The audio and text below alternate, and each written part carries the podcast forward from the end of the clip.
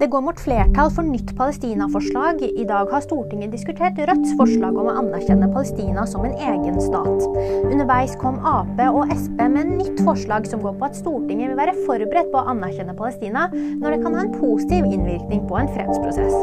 Stortinget vil stemme over dette i morgen. Oliver Lovrenskij er vinneren av Bokhandlerprisen. 19-åringen er dermed tidenes yngste vinner.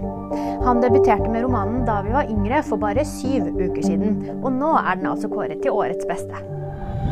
Dette godteriet trekkes fra markedet. Grunnen er mulig kvelningsfare, spesielt for barn. Gelégodteriet er solgt i dagligvarehandler over hele landet. De som har kjøpt disse søtsakene, oppfordres til å kaste eller levere den tilbake til butikken. Og husk, nyheter finner du alltid på VG. Thank you.